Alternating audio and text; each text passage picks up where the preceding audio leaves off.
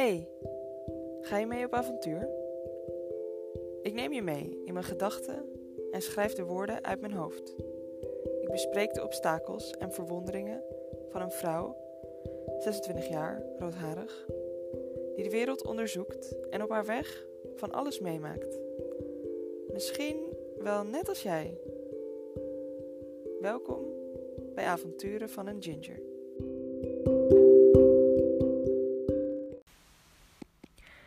Schrijven en de tijd die lijkt te vliegen, of ben ik het? 6 september 2020. Het liedje dat erbij hoort is La Luna van Maku, te vinden op YouTube of via een linkje in mijn blog. Het is woensdag 2 september als ik dit schrijf na 10 uur. Ik heb een stofzuiger in mijn hand en dan opeens dwal ik af. Ik dwaal af naar de tijd. Als mijn eeuwige fascinatie. Terwijl ik ooit, niet eens zo heel lang terug, nog typte dat ik er wel over uitgesproken was. Dat zei misschien meer over de connectie die er toen niet was, en tevens over dat ik wellicht nog losleefde van zoiets als tijd. Inmiddels is het tijd. Maar mijn hele wezen schreeuwt om woorden. Ik verlang er naar te schrijven. Ik voel dat er veel gezegd wil worden. Ik wil schrijven met mijn nieuwe pen. Terwijl ik eigenlijk nog aan het stofzuigen ben op een woensdagavond laat, hurk ik bij mijn schrijftafeltje en denk tevreden: ja, dit is een schrijftafeltje. Dat is het. Ik kijk naar buiten door het schuine dakraam. Het is al donker, maar het voelt als licht. Het zal de maan wel zijn. Soms een beetje weerwolf. Het tafeltje is van oma en het is perfect. Perfect op vier blokken hout voor hoogtij. En ik verlaag mij. Want inmiddels ben ik erbij gaan liggen. Op de grond. Op de houten vloer op mijn zolder, die zo oud is dat ik splinters in mijn sok verzamel. Soms pijnlijk doorgedrongen in de huid van mijn grote teen. Vroeger had ik al denk ik erg gevonden. Niet per se de splinters, of nou ja, dat kan ik je niet met zekerheid zeggen. Het is mogelijk dat er destijds zoiets als Jezus, kut, tering, auw opvolgde. Maar ook dat weet ik niet zeker. Niets is immers zeker. Maar hier bedoel ik het feit dat de vloer oud is. Dat zou ik gênant hebben gevonden. Er drukte namelijk altijd een zware schaamte op me. Schaamte over wat dan ook. Noem maar iets. Pindakaas bijvoorbeeld. We hadden een biologisch merk en niet een A-merk van een niet nader te noemen supermarkt met blauw logo of een andere winkel met rode letters of blauwe of groene of überhaupt letters. En dat was voor mij genoeg reden om me te schamen. Of uh, het aantal cadeaus met Sinterklaas, de gedeelde auto met de buren, mijn neus, het ontbreken van frisdrank in de koelkast en eigenlijk alles betreft mijn ouders of de rest van mijn uiterlijk. Zo ongeveer mijn hele bestaan. Onschuldig lijkende thermosfles, ja hoor, genoeg reden voor mij tot schaamte. Onderbroek in het algemeen of onwillekeurig in het bijzonder, ook. Plassen, ook. Ja, luister. Met mijn laatste relatie durfde ik haast niet te plassen. Tot en met. Huh? Hoe heb je dat dan gedaan, drie jaar? Nou, kijk. Het moest dus van mezelf, zonder geluid. Dat is op zich niet heel logisch, I know. Schaamte is een gek iets. Tegenwoordig schaam ik me gelukkig eigenlijk zelden meer. Tenminste, op de meeste gebieden. En tegenwoordig schep ik haast ook op over al die dingen waar ik vroeger rood van werd. Mijn fantastische ouders, die vloer, mijn biologische opvoeding, het antroposofisch beleid in huis, wollen sokken, chiazaad. Ik schep niet per se op over dat ik niet durfde te plassen en nu wel, maar hoe dan ook. Ik heb schaamte dus al op veel onderdelen kunnen loslaten. Gelukkig. Hé, hey, maar hoi. Hi. Hoe beleef jij tijd? Daar wil ik het met je over hebben. Jij die dit nu luistert of leest in je eigen tijd. Daarover wil ik ook even zeggen hoe leuk ik dat vind. Oprecht. Wie je ook bent, bedankt. Wat bijzonder. En losstaand van, losstaand van dit heugelijke moment, waarbij ik al liggend op mijn kamervloer glunderende stofzuiger negeer, wil ik u zeggen: U bent fantastisch. Echt fantastisch. Maar terug naar tijd. daar hadden we het over. Ik weet niet wie jij bent, waar je dit luistert en hoe je vanmorgen bent opgestaan. Ik weet zelf nauwelijks wie het is die schrijft. Een vrouw van 26, inmiddels oncomfortabel liggend op die houten vloer, die zich afvraagt hoe jij dit op je eigen manier, in je eigen tijd, in je op zal nemen en het opslaat met een eigen interpretatie. Ik ben mijn horloge kwijt. Dat vind ik vooral jammer voor mijn filosofische verbinding met de tijd. Het had ook wel wat, dat zwarte Casio-horloge om mijn linkerpols. Het had iets stoers, tevens ook iets elegants. Leven is leven, hè? Voor de chronologische tijd, zoiets als de kloktijd, vind ik het prima. Ik heb namelijk iets leuks ontdekt.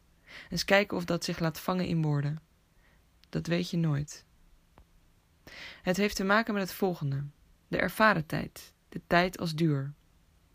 Ik heb meteen zin om Joke Herms er weer bij te pakken. En ik heb op mijn blog ook een linkje gezet naar haar boeken die ik zelf heb gelezen en naar haar website. Dat kan je onderaan vinden. De termen die ik hier noem komen ook van haar: chronologische tijd en de tijd als duur. Stel, je zit op de fiets. Misschien zelfs nu, als je dit luistert. Heb je haast? Lijkt de tijd te snel of sneller te gaan dan normaal in je beleving? En ben je bang dat je niet op tijd komt? Of zit je thuis en lijkt de tijd juist stil te staan? Of zich veel langzamer dan gebruikelijk te voltrekken? Of misschien heb je vandaag helemaal geen plannen en dus ook geen besef van tijd. Het ervaren van tijd kan zo wezenlijk anders zijn. Wat is dat precies? Hoe kan die zo ver van de chronologische tijd afliggen? Hoe komen we los van tijd? Ik heb op dit moment helemaal geen tijd. Maar kun je tijd wel hebben? Een rivier kun je ook niet hebben. Je kunt het wel ervaren of erin meevaren. De rivier als analogie voor de tijd. Ik zit erin, ik ben te laat, het gaat te snel, de tijd staat stil. Ik wil te veel, ik wil het zien. De tijd. Het is koud of gloeiend heet. Ik smelt erin, betoverd door dimensies aan de oever. De rivier zo helder zonder begin of einde en het tikken van de klok. Ik gooi een steen, het water trekt zich van mij niets aan. De maan die zwijgt, de tijd verstrijkt. De rivier stroomt zorgeloos van mij vandaan. De tijd, ik voel het, ik heb het vast, door het los te laten gaan. Geef me één woord, ik smoor je stem. St, luister, tussen de regels van de tijd. En het meervaren in de rivier is precies wat ik bedoel. De tijdsbeleving. Je zit op die fiets met haast. Dat had ik zelf geregeld onderweg naar werk. Ik denk tijdens het tandenpoetsen, opruimen, aankleden, lezen. Ik moet niet te laat komen. Ik moet niet te laat komen. Vervolgens denk ik vol, geheel volgens de universe-theorie. Dit moet je maar eens googlen. Het gaat om Law of Attraction of The Secret. En je komt er wel. Oei, ik moet een positieve gedachte formuleren over wat ik wel wil. Het universum kent niet niet. Think about it. Het universum kent niet niet. En dus zeg ik hardop of in mijn hoofd: ik kom op tijd. Ik formuleer een positieve gedachte over wat ik wel wil. Voor het gemak en de volgbaarheid van het verhaal zal ik niet verder ingaan op de vraagtekens rondom de zin ik kom op tijd. Want hoe kom je op tijd? Sta je dan op de rivier? Dat kan toch ook niet? Dit lijkt overigens een waterdichte analogie. Sick. Alles valt samen en mijn hartsvriendin citeert: Je kan het niet alleen. De one-liners gaan lekker. Thanks. Dus ik zit op de fiets. Of bijna op de fiets. En het is tien minuten later dan ik oorspronkelijk wilde vertrekken. In het verleden, de verleden tijd, zou ik de fietstocht als volgt hebben ervaren. Haast, haast, ongemakkelijk hard fietsen, misschien gaan zweten en dan ook vervolgens een paar minuten te laat komen en chagrijnig zijn en de hele fietstocht naar hebben ervaren. Allemaal in mijn hoofd. Wat ik overigens ook zou kunnen doen, al meerdere keren getest met grandioos succes, is mijzelf vertellen dat ik op tijd ga komen. Ik dank het universum bij voorbaat. Dit is een cruciale stap. Het spreekt namelijk vertrouwen uit. En ik fiets gematigd snel, maar wel beheerst en relaxed en vooral vrolijk. Ik ben vrolijk. Ik kijk eens wat om me heen en ik heb een prettige fietstocht. Ik check niet eens de tijd. Dat is misschien zelfs een voorwaarde. Je, je bent los van de tijd. Je hebt namelijk al gezegd dat je op de juiste tijd aan zal komen. En ja hoor, warempel. Ik kwam op tijd. Toen ik het meemaakte, really. Het voelde. Ja. Kijk, die analogie, het voelt inderdaad als een wonder, zoals op een rivier kunnen staan. Het was alsof ik een gat in de tijd had ontdekt. Door puur mijn perceptie van tijd te veranderen, mijn mindset aan te passen, heb ik een win-win situatie gecreëerd. Dit is fantastisch. Bijna zo fantastisch als u. Kijk, stel, ik kom alsnog te laat. Dan heb ik wel een fijne fietstocht gehad. Dat lijkt me nog altijd fijner dan dat de negatieve fietstocht ook nog eens versterkt wordt door de negatieve uitkomst. It's all in the mind, isn't it? De tijdsbeleving is in de tweede verschillende methode geheel anders. Dus welke kies jij? Tijd voor een andere dimensie nu en dromen over idyllische rivieren. Heb ik je nog? Zit je ook in de mysterieuze film van de tijd, een avontuur uit mijn hoofd, maar nu afgespeeld in het jouwe? Of ben je verdwaald in de stroomversnelling van het eindige bestaan? Echt, je moet me geloven als ik zeg: ik weet ook niet precies wat die laatste zin betekent. Maar het klopt wel, zoals het tikken van de tijd. Huh? Maar ik voel het. Misschien voel je het met me mee.